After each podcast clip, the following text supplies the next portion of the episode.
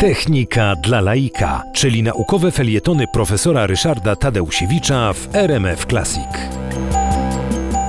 Samochody elektryczne w USA były bardzo popularne y, i y, stanowiły nawet element pewnego snobizmu. No, te samochody były bardzo eleganckie, zdawały się egzemplarze no, wyściełane złotem czy, czy drogimi, drogimi tam jakimiś kurdybanami, skórami. Okazało się, że najpierw w Europie, a potem w Stanach właściwie pojawił się konkurent taki pierwotnie lekceważony. Samochody spalinowe czyli takie jak obecnie jeździmy e, z silnikami benzynowymi. Inna rzecz, że one były często napędzane różnym dziwnym paliwem, na przykład oliwą z oliwek, ale, ale rzeczywiście były to samochody e, spalinowe.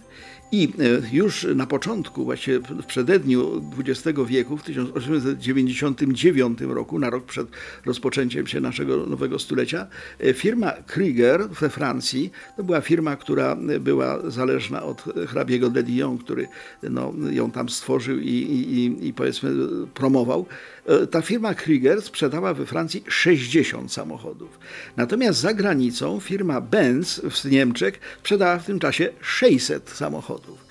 No więc y, klęska była absolutna. Samochody elektryczne przestały być modne, y, przestały się dobrze sprzedawać i y, największy propagator tych samochodów elektrycznych, Charles Jantou, ten, który tam no, bardzo wielkie zasługi położył, nie przeżył tego, znaczy popełnił samobójstwo, zabił się, bo, bo po prostu no, nie mógł patrzeć na to, jak jego ukochane samochody elektryczne przegrywały.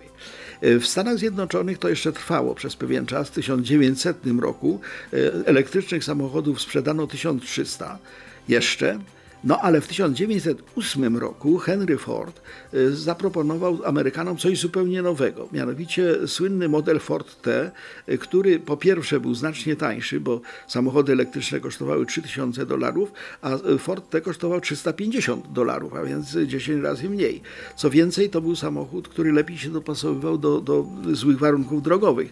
Mógł jeździć po wielkich wertepach, a ciężkie przez akumulator samochody elektryczne łamały podwozie Rozwój samochodów Forda był bardzo burzliwy. W 1909 roku, kiedy zaczął produkcję, produkował 18 tysięcy samochodów. Natomiast w 1921 roku sprzedał ich ponad milion. Było to ogromny sukces. Ale co ciekawe, e, żona Forda jeździła samochodem elektrycznym, Detroit Electric. E, nawciarz, e, no, potentat naftowy, który sprzedawał paliwo do samochodów spalinowych, John Rockefeller, jeździł samochodem elektrycznym.